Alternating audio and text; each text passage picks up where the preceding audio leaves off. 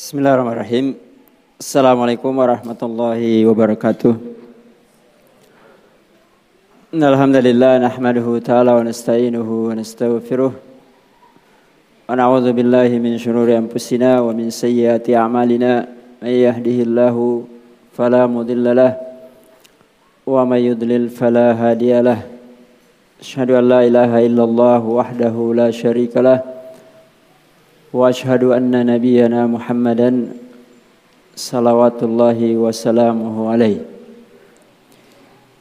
Alhamdulillah ikhwani fillah rahimakumullah wa akhwat rahimakumullah jami'an kita memuji dan bersyukur kepada Allah maghrib hari ini dalam cuaca yang cerah ya. kita bisa kembali hadir di masjid untuk melanjutkan pelajaran kita dalam risalah yang thayyibah yang nafiah yang bermanfaat yakni risalah salah satu usul. Pada pertemuan yang lalu masih dalam masalah rububiyah. Karena muallif rahimahullah menjelaskan agak panjang walaupun dengan kalimat-kalimat yang ringkas tentang tauhid rububiyah. Dan sudah kita sebutkan dalam pertemuan yang lalu beberapa dalil yang menunjukkan tentang tauhid rububiyah. Yang terakhir tentang dalil akal. Maka sekarang dalil yang terakhir yang terkait dengan tauhid rububiyah yakni dalil al-his. Al-his artinya dalil panca indera. Orang dengan panca inderanya bisa mengerti dan paham siapa robnya. Ini kita bisa simpulkan dari dua sisi. Yang pertama, kejadian ketika Allah Azza wa Jal mengutus para rasul. Ya, mengutus para rasul. Semua rasul itu ketika menyampaikan wahyu, menyampaikan kebenaran dan kita juga sudah belajar semua rasul itu diberi apa yang disebut dengan mukjizat. Ya, mukjizat. Sesuatu kejadian yang luar biasa yang hanya terjadi pada nabi dan rasul.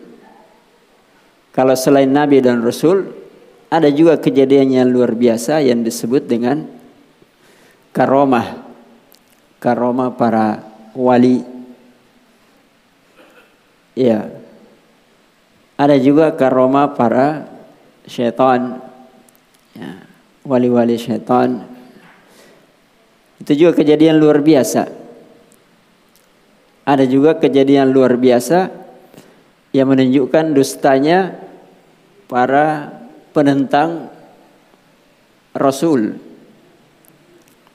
Ya, tapi kita bahas sekarang sedikit tentang mukjizat yang terkait dengan para nabi dan rasul. Artinya mukjizat itu terjadi di masa mereka dan dilihat atau disaksikan dengan panca indera. Ya, apa contohnya? Misalnya Nabi Musa alaihi salatu wassalam dia beri mukjizat tongkat.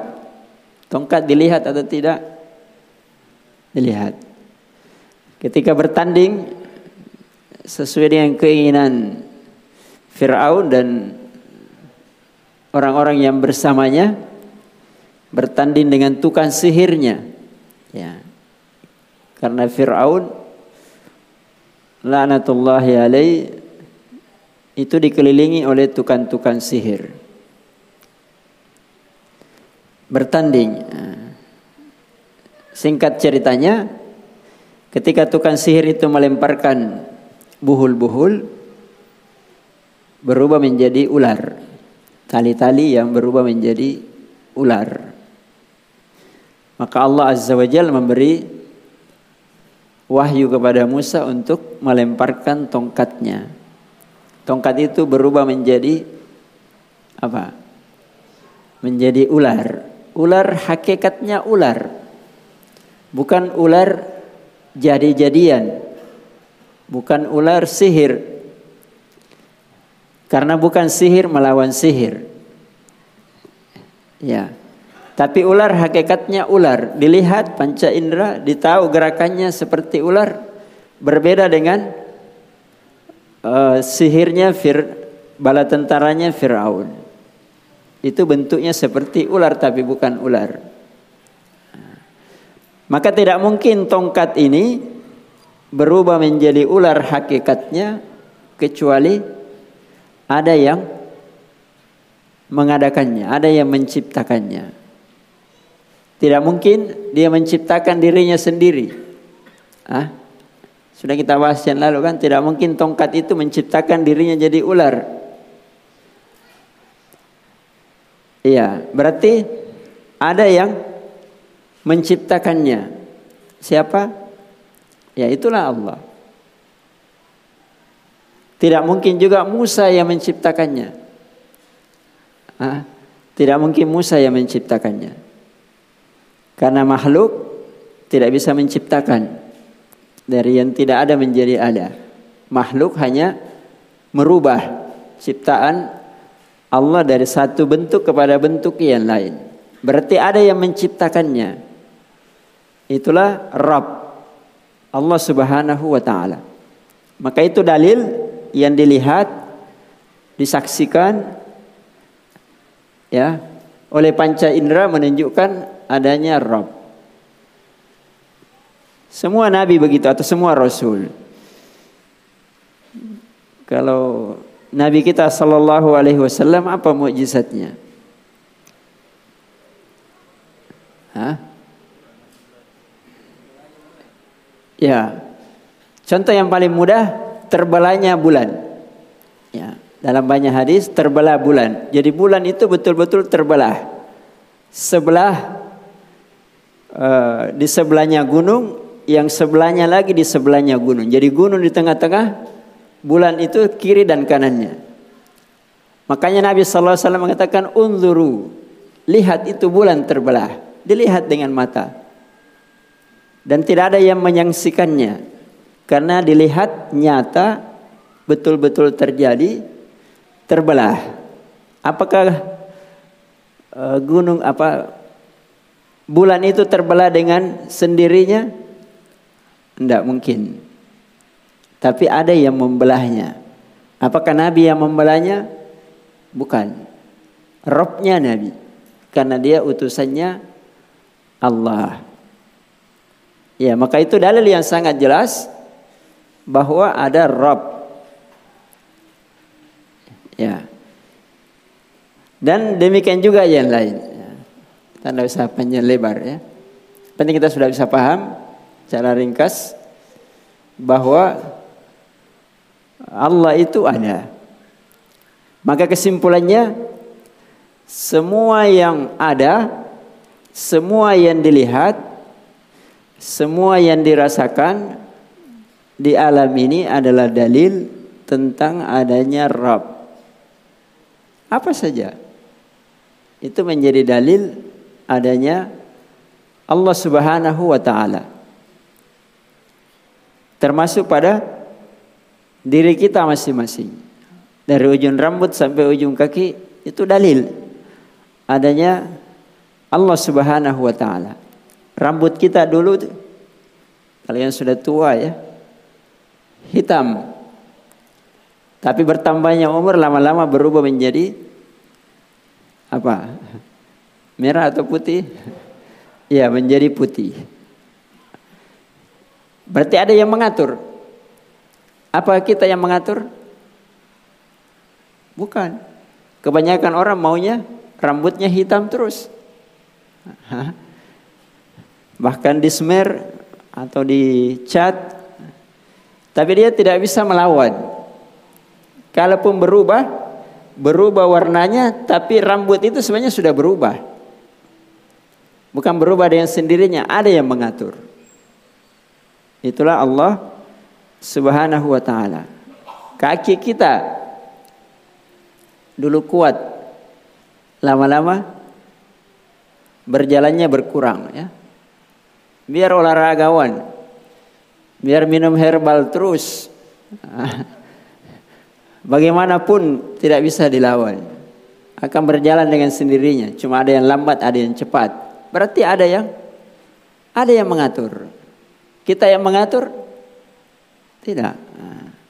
Berarti ada Allah Subhanahu wa taala. Nah, sekarang kita pindah kepada yang kedua, ma'rifatullah yakni mengenal Allah dengan uluhiyahnya Allah. Jadi kalau Allah satu-satunya Rabb yang hak maka tauhid uluhiyah menunjukkan Allah satu-satunya yang berhak untuk diibadai. Ya untuk diibadai. Sekarang kita ingin mengenal lebih dalam tapi ringkas dan cukup biiznillah untuk memahami tauhid uh, uluhiyah.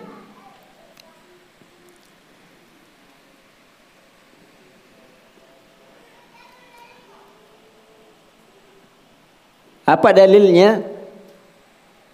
Tauhid uluhiyah. Apa dalilnya? Jadi yang perlu dipahami pertama kali bahwa yang berhak untuk dijadikan ilah adalah yang berhak untuk dijadikan Rabb. Yaitu kata kuncinya. Yang berhak saya ulangi dijadikan ilah yang disembah adalah yang berhak untuk dijadikan Rabb sekarang rob itu satu atau banyak? Ya satu. Karena selain daripada rob itu alam. Sudah dulu ya. Itu alam. Wa ma siwallah fahuwa alam. Wa ana wahidun min dzalikal alam. Ya. Dan kita ini semua alam.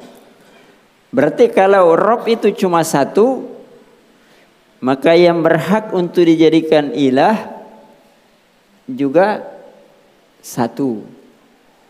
Itulah hakikatnya tauhid. Maka dikatakan tauhid menjadikan satu. Satu Rob, satu ilah dan satu nanti yang mempunyai nama-nama yang sempurna dan maha indah. Makanya dalam Al-Quran Allah sudah menetapkan demikian. Zalika bi anna huwal haq dalam surat Hajj. Demikian itu karena hanya Allah yang hak. Artinya hak secara rububiyah dan hak secara uluhiyah. Wa anna ma yad'una min dunihi huwal batil. Dan apa pun atau adapun yang disembah selain daripada Allah maka itu sesembahan yang batil. Ya, betul itu sesembahan diangkat sebagai sesembahan. Tapi sesembahan yang batil. Karena ya sebagaimana nanti akan diperjelas karena dia bukan Rob atau kalaupun dianggap sebagai Rob dia juga Rob yang batil Jadi Ketika misalnya orang mengatakan, oh dia kan hebat, begini, begini, begini, ya mungkin ada sedikit dari sebagian sifat rububiyah. Tapi nanti akan ada penjelasannya. Tapi itu bukan rububiyah yang hakikatnya. Ya. Mungkin ada dia sifat-sifat yang bisa untuk disembah. Tapi sifat-sifat itu tidak cukup untuk dijadikan ilah. Ya, makanya dianggap batil. Karena memang Rob cuma satu, maka yang berhak disembah juga cuma satu. Apa pun bentuknya. Wala sebagaimana yang terdahulu dalam mukaddimah ya. Wala malakun muqarrab wala nabiyyun mursal. Padahal itulah makhluk yang terbaik yang ada. Bukan malaikat yang dekat dengan Allah, bukan pula rasul yang diutus. Semuanya tidak boleh untuk diibadahi. Apalagi yang dibawanya. Batu, sungai, apalagi yang tidak ada hakikatnya. Seperti patung-patung, wayang ya, Ya itu kan tidak ada hakikatnya. Hayalan saja. Yang ada hakikatnya saja tidak punya hak untuk disembah. Apalagi yang tidak ada hakikatnya. Nah, sekarang kita lihat. Apa dalilnya tauhid uluhiyah? Yang pertama dalilnya ya tauhid rububiyah. Yang pertama dalilnya adalah tauhid rububiyah. Makanya kita sampaikan dari dahulu bahwa e, sebagian orang tauhid uluhiyahnya tidak sempurna atau banyak kekeliruan padanya karena juga keliru dalam memahami sebagian dari tauhid rububiyah. Ya, ada kekeliruan dalam memahami tauhid rububiyah. Karena kalau ingin tauhid uluhiyahnya bagus, tauhid rububiyahnya sebagai dasar itu juga harus benar dan bagus. Ya. Karena itu kalau kita lihat ayat-ayat dalam Al-Qur'an itu selalu uh, demikian. Kapan ada tauhid uh, rububiyah pasti ada tauhid uluhiyah. Dan sebaliknya kapan ada tauhid uluhiyah pasti ada tauhid rububiyah. Ya, walaupun kadang kalau belajar lebih lanjut bahasanya beda. Ya. Tauhid rububiyah yalzamu tauhid uluhiyah. Tauhid uluhiyah mutadamminun tauhid rububiyah dan seterusnya. Tapi kita bahasakan saja di mana ada tauhid rububiyah pasti ujung-ujungnya nanti tauhid uluhiyah.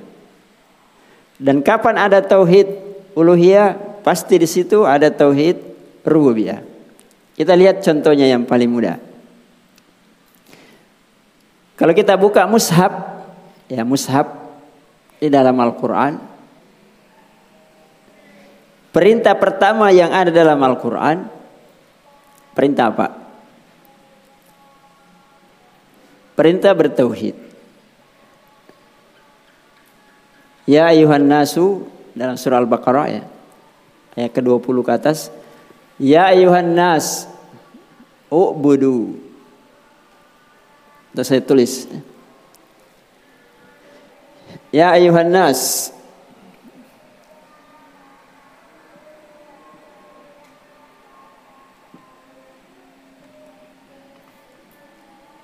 Ubudu Siapa yang disembah? Rabbakum. Siapa Rabbmu? Ya kan sudah dipelajari. Man Rabbuk. Man Rabbuk. Rabbi Allah. Alladhi Rabbani wa Rabbah jamil alamin. Apa yang dikatakan di sini man rabbukum alladhi khalaqakum dan seterusnya. Sama kan? Alladhi khalaqakum walladzina min qablikum la'allakum tattaqun. Jadi perintah pertama ubudu, sembahlah. Tauhid apa? Uluhiyah. Siapa yang dijadikan ilah? Rabb. Berarti tidak bisa dijadikan ilah kalau dia bukan Rabb. Paham? Tidak bisa dijadikan ilah kalau dia bukan Rabb. Makanya kalau orang ada yang menyembah apa pun, tanya saja, dia Rob atau bukan? Misalnya penghuni sungai. Ada aneh-aneh banyak kejadian luar biasa. Ya anggaplah benar. Tapi apakah dia Rob? Nah, apa ciri khasnya Rob? Kan banyak sudah kita sebutkan. Rob itu pencipta. Rob itu pemilik. Rob itu pengatur. Rob itu yang berbuat sesuai dengan apa yang dia mau dan seterusnya. Apakah penghuni sungai itu yang begitu? Kalaupun ada, itu persangkaan saja. Kalaupun dianggap itu betul persangkaannya, tidak sampai derajat Rob. Dia mencipta, dirinya saja dicipta, bagaimana mau mencipta? Dia memiliki, dia saja dimiliki, tinggalnya hanya di sungai. Kita ini tinggal di rumah, lebih enak. Kok kita yang mau menyembah dia?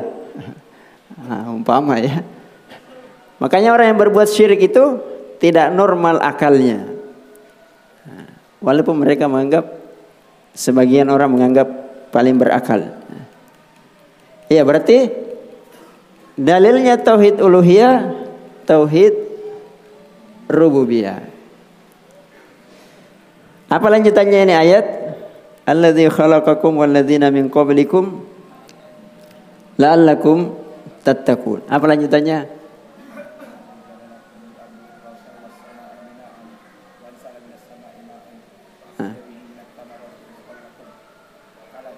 Stop dulu.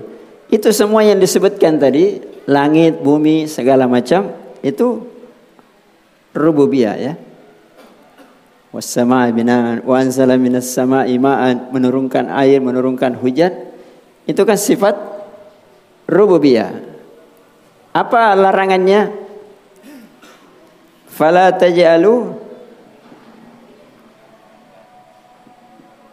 lillahi andada wa antum ta'lamun. Ya. Janganlah kalian menjadikan bagi Allah tandingan. Ini larangan dari berbuat kesyirikan. Karena kesyirikan itu hakikatnya membuat tandingan.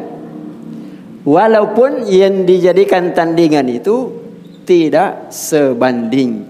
Ah, tidak setanding ya kalau bahasanya. Tidak sebanding. Jadi kesyirikan itu membuat tandingan. Walaupun asalnya yang dibuat tandingan itu tidak sebanding. Karena dia bukan Rabb. Wa antum ta'lamun, kalian tahu Allah Rabb. Kok kenapa jadikan tandingan? Makanya Al-Quran mengajak kita berpikir yang logis, tapi sesuai syariat. Ya. Jadi larangan pertama adalah larangan berbuat kesyirikan. Dari mana dilarang berbuat kesyirikan? Karena tandingan itu tidak sebanding, bukan Rob. Wa antum ta'lamun, kamu tahu yang menurunkan hujan, yang menciptakan semua yang Allah sebutkan itu kalian tahu. Maka jangan buat tandingan. Karena kalau kalian tahu berarti itu tidak sebanding. Nah, karena Rob cuma satu bukan dua apalagi lebih sampai di sini sudah paham ya berarti setiap uh, ada tauhid uluhiyah ada di dalamnya terkandung tauhid rububiyah dan sebaliknya setiap tauhid rububiyah itu nanti ujung-ujungnya mengharuskan tauhid uh, uluhiyah. Nah,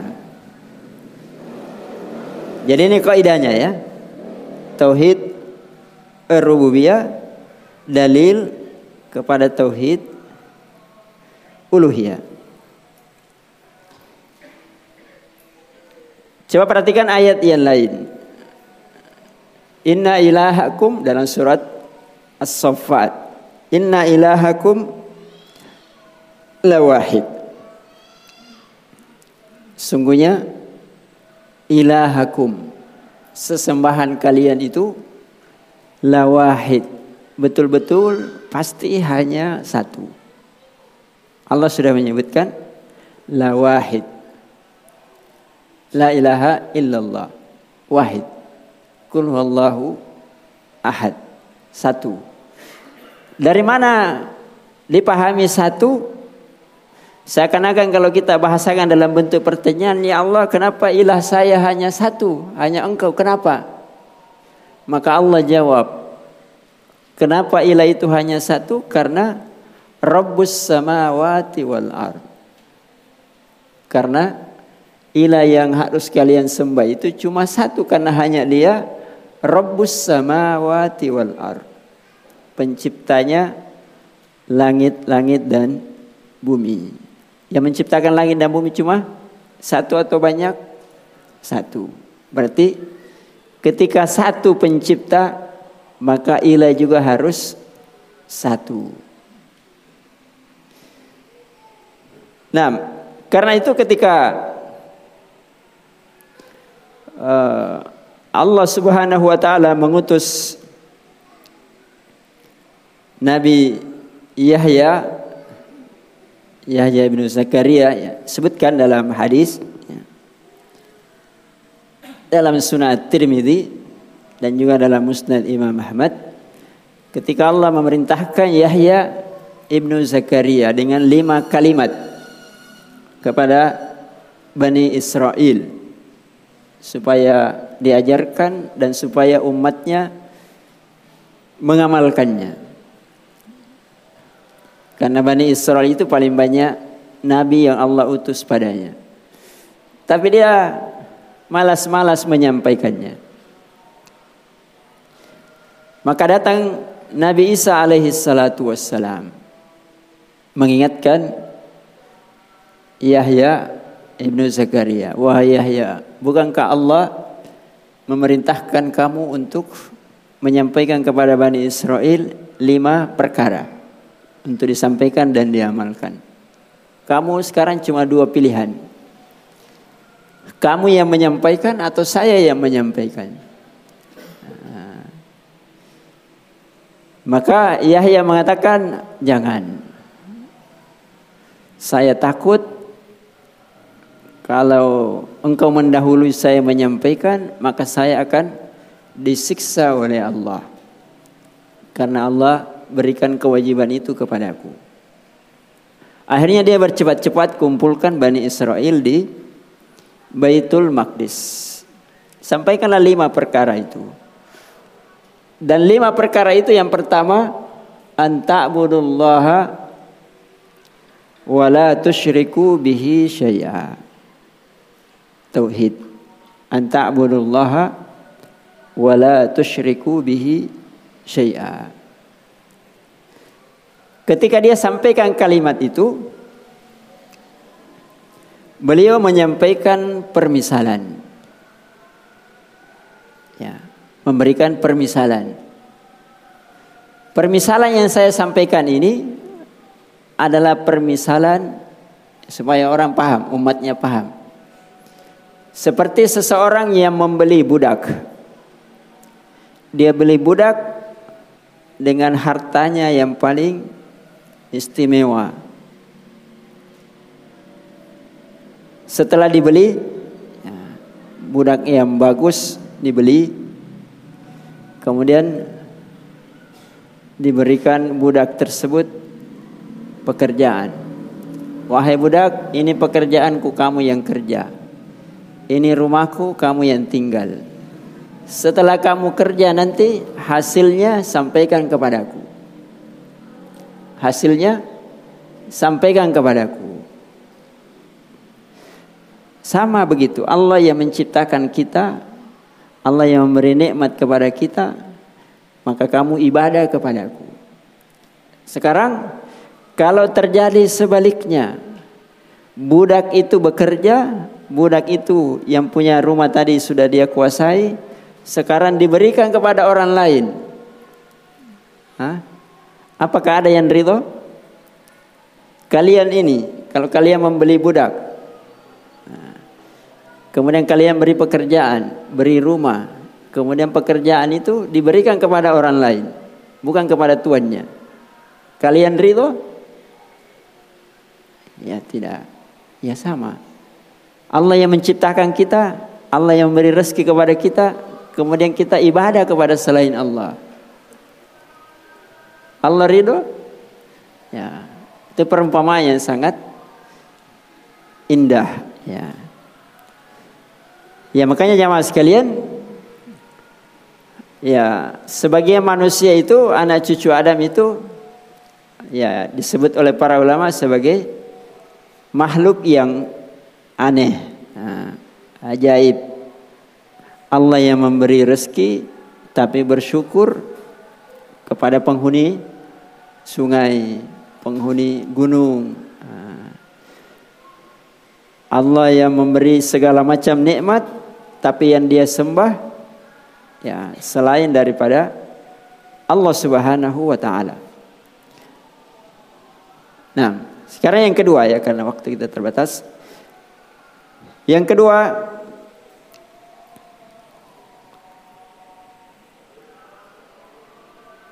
Kenapa hanya Allah yang harus disembah? Dalilnya karena hanya Allah saja sendiri yang mempunyai sifat-sifat yang sempurna. Saya ulangi ya, karena hanya Allah bersendirian yang mempunyai sifat-sifat yang sempurna. Ya, walaupun ini nanti masuk pada tauhid asma wa sifat. Hanya Allah yang sempurna sifat-sifatnya. Artinya yang berhak untuk diibadahi adalah yang sempurna. Kalau tidak sempurna tidak berhak untuk diibadahi. Karena makhluk itu secara fitrahnya Dia menyembah karena dua hal. Ya, dia menyembah karena dua hal. Yang pertama karena dia butuh. Dan kebutuhan makhluk itu cuma dua. Dari segala kebutuhan pasti hanya berputar pada dua hal. Ya, yang pertama butuh supaya dia dapat maslahat atau manfaat. Ya. Kita butuh apa saja? Karena kita butuh maslahat dan manfaat. Ada uang, ada makanan, ada istri, segala macam. Karena ada manfaat, ada maslahat di situ. Itu kebutuhan kan? Yang kedua menolak mudarat. Apa pun yang kita lakukan untuk menolak mudarat. Kalau bukan manfaat, menolak mudarat. Bahkan kadang dua-duanya Misalnya kita pakai baju, manfaatnya apa? Supaya penampilan lebih keren. Tapi sekaligus apa? Melindungi dari panas, melindungi dari dingin, ya, dan sebagainya. Berarti makhluk itu butuh menyembah karena dua hal tersebut. Sekarang siapa yang bisa menolak manfaat, apa memberi manfaat dan menolak mudarat? Ya Allah Subhanahu wa taala yang sempurna memberi manfaat dan sempurna menolak mudarat. Karena itu banyak orang terjerumus ke dalam kesyirikan karena dia menyangka ada manfaat atau menyangka menolak mudarat. Pasan di atas pintunya apa macam-macam ya. Uh, baca-bacai mobilnya, sembelihkan ayam kalau mobil baru karena dia menyangka untuk menolak mudarat supaya sempurna juga manfaatnya. Orang itu ibadahi. Yang kedua, orang ibadahi karena dia menyangka itu sempurna. Di sini juga masuk banyak pintu-pintu kesyirikan. Kenapa ada orang menyembah misalnya wali-wali? Karena ada sebagian ya yang mereka sangka ada kelebihan yang dianggap sempurna padanya. Sempurna ibadahnya, sempurna bacaannya misalnya dianggap sempurna ya. Atau dianggap ada kesempurnaan padanya. Maka dia ibadahi Walaupun mungkin dia tidak mengharapkan manfaat atau menolak mudarat, tapi dia anggap ada nilai kesempurnaan padanya. ya makanya disebutkan di sini Allah kenapa Allah satu-satunya yang disembah? Karena Allah memiliki dua hal tadi. Yang bisa menolak mudarat, memberi manfaat yang sempurna dan memang memiliki sifat-sifat yang sempurna. Tidak ada makhluk yang memiliki sifat-sifat yang sempurna. Karena bukan makhluk namanya kalau sempurna. Hah? Bukan makhluk namanya kalau sempurna. Makanya kenapa orang membangun terus? Karena tidak ada yang sempurna. Sudah bagus dibongkar lagi. Pergi jalan-jalan ada yang lebih bagus lagi, diganti lagi. Kenapa laki-laki mau menikah terus?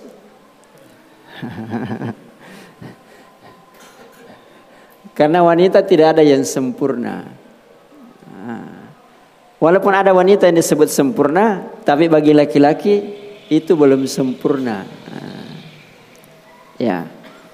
Tapi nanti ketika dia menganggap menikah sempurna, setelah menikah Iya ada lagi kurangnya. Ya, ya tidak ada yang sempurna. Iya kan?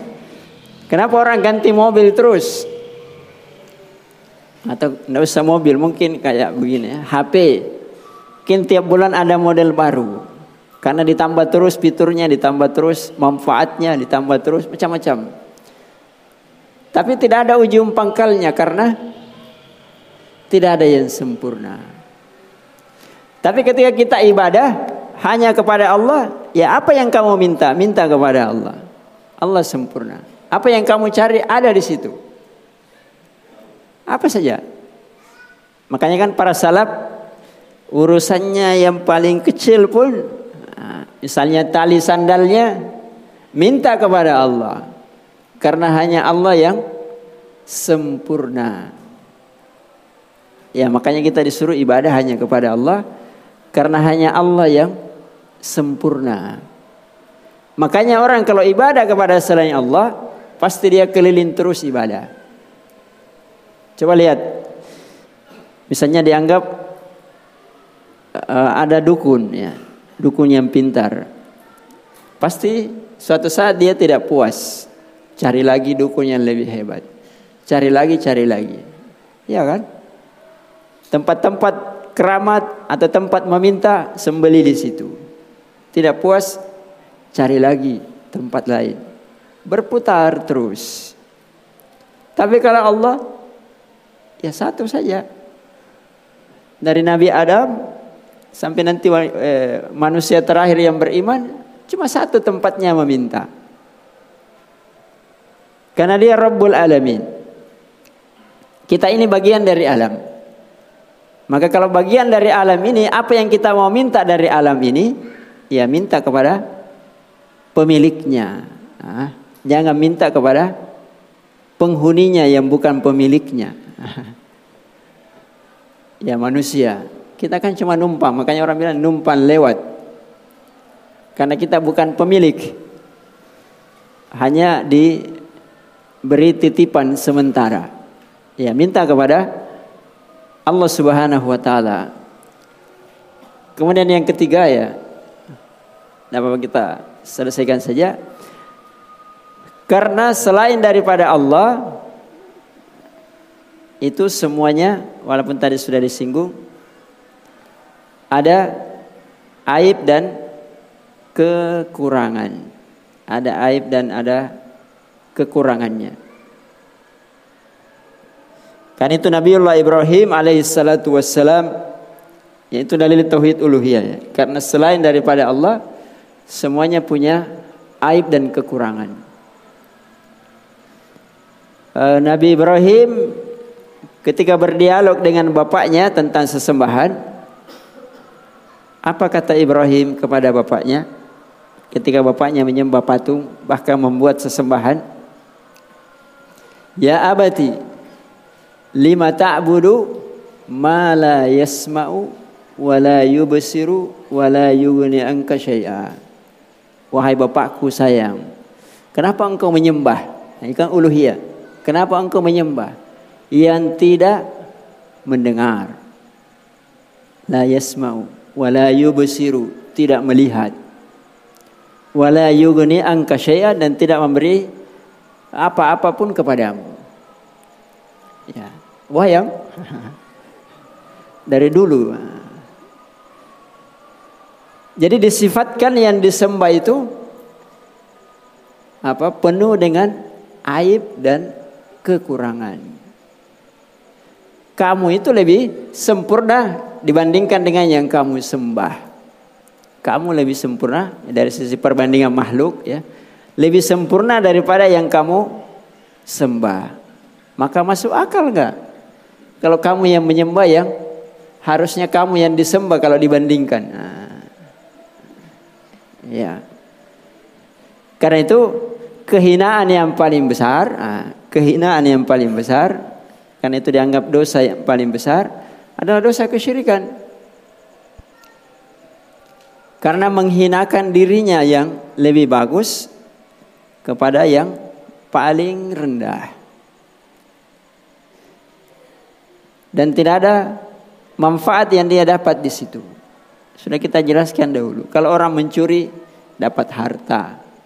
Orang berzina ya dapat kesenangan sesaat. Tapi kalau orang datang ke sungai menyembelih untuk selain Allah, apa yang dia dapat? Persangkaan saja. Kalau mencuri ya jelas ada yang dia dapat. Kalau berzina jelas ada yang dia dapat. Tapi kalau berbuat kesyirikan apa yang dia dapat? Nah, makanya banyak ayat dalam Quran semuanya itu hanya persangkaan saja. Ya, persangkaan saja. Dia dapat begini, dia sembuh, dia rezekinya banyak. Itu hanya persangkaan semata-mata. Karena itu kita tutup Eh, mengambil beberapa ayat. Misalnya ayat yang selalu kita baca kalau mau tidur. Ayat apa? Ayat kursi. Dimulai dengan Allahu la ilaha illa huwa. Ini kan tauhid uluhiyah. Allahu la ilaha, tidak ada sesembahan yang hak illa huwa kecuali Allah. Kenapa dia disembah? Karena dia memiliki sifat yang sempurna.